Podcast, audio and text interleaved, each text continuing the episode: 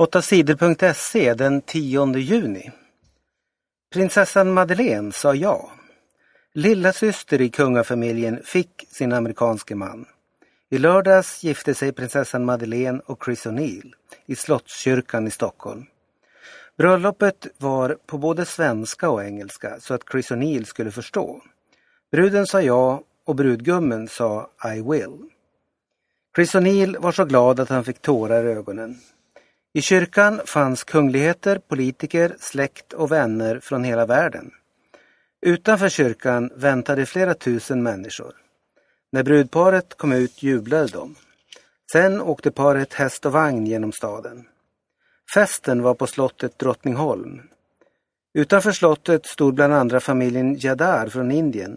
De väntade i flera timmar för att få se prinsessan och de berömda gästerna. Vi har inga kungligheter i Indien, så det här är spännande, sa Vidya Jadar.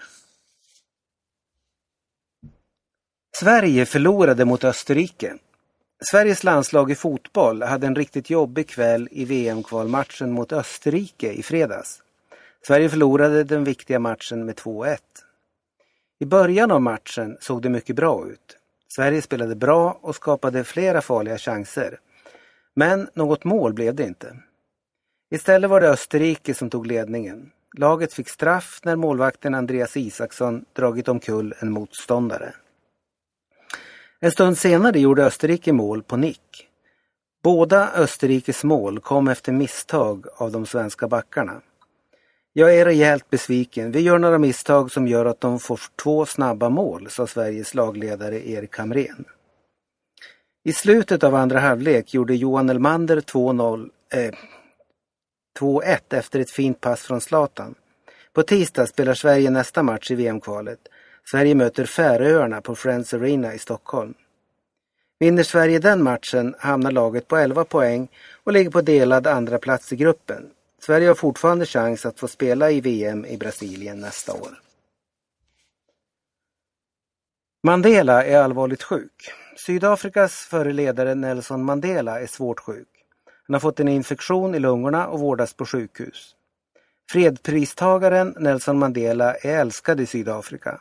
Massor av människor ber för att han ska bli frisk.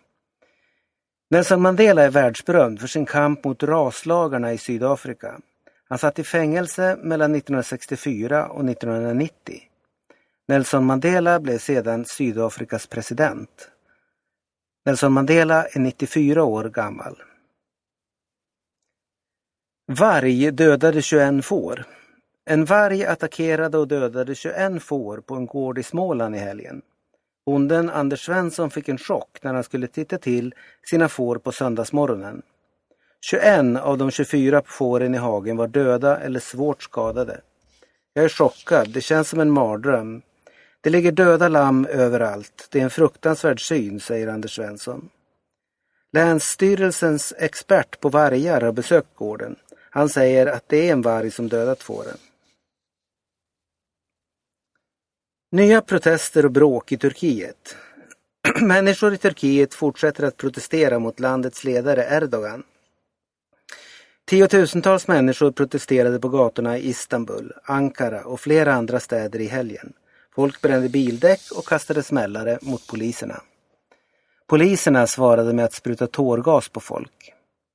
Protesterna i Turkiet har nu hållit på i tio dagar. Demonstranterna kräver att premiärminister Erdogan ska sluta. Erdogan varnar demonstranterna för att fortsätta protestera. Vi har haft tålamod, men det finns en gräns för vårt tålamod, sa han på söndagen. Bränder på grund av blixten. Det har varit regn och åska i delar av Sverige under helgen. Flera hus har börjat brinna efter att blixten slagit ner. Utanför staden Eskilstuna slog blixten ner i ett radhus som började brinna. I Vaxholm slog blixten ner i en båt. Åskvädret gjorde också att det blev strömavbrott på flera ställen. Många tåg blev försenade. På måndagen är det fortfarande regnigt, särskilt i närheten av Östersjön. Det kan bli åska på några ställen, säger Miguel Portal, väderexpert på SMHI. Tågförare kör med kjol. När det är sommar och sol blir det ruskigt varmt i tågen som kör på Roslagsbanan i Stockholm. Men tågens förare får inte ha shorts på sig fast det är varmt. De måste ha långbyxor. Det har cheferna på företaget Arriva bestämt. Därför har de 13 männen som kör tågen haft kjol på sig de senaste veckorna. Att ha kjol är nämligen inte förbjudet. Det är klart att folk tittar lite på en när man har kjol, men det bryr vi oss inte om, säger tågföraren Martin Åkersten till tidningen Mitti. Arrivas chef Thomas Hedenius säger att det är helt okej okay för killarna att ha kjol. Att förbjuda dem att ha kjol skulle vara diskriminering, säger han. Nadal och Williams vann i Paris. Rafael Nadal från Spanien vann tennistävlingen i Paris. Nadal vann finalen mot David Ferrer med 3-0 i set. Det var Nadals åttonde seger i öppna franska mästerskapen. Serena Williams vann damernas final. Hon vann med 2-0 över Maria Shaparova från Ryssland. Det var Williams andra seger i tävlingen. Strider i Afghanistan. Den senaste tiden har det varit flera attacker i Afghanistans huvudstad Kabul.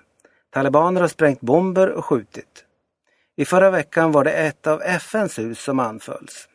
Natten till måndagen var det strider i närheten av flygplatsen. Talibanerna hade tidigare makten i Afghanistan. De införde hårda religiösa lagar i landet. Talibanerna hjälpte terroristerna i al-Qaida. När al-Qaida anföll USA år 2001 startade USA krig mot dem. De tvingades bort från makten i Afghanistan. Talibanerna har sedan dess krigat mot landets nya ledare. Sverige missar handbolls-VM. Sveriges damer får inte spela VM i handboll. I helgen förlorade de mot Polen. Det betyder att svenskorna inte har någon chans att komma till VM. Sverige förlorade med 31-32 på bortaplan. Förra helgen vann Polen den första matchen. Svenskorna var tvingade att vinna den andra matchen för att kunna gå till VM. Förlusten är ett stort misslyckande för Sverige. Landslaget har spelat i sju stora mästerskap i rad.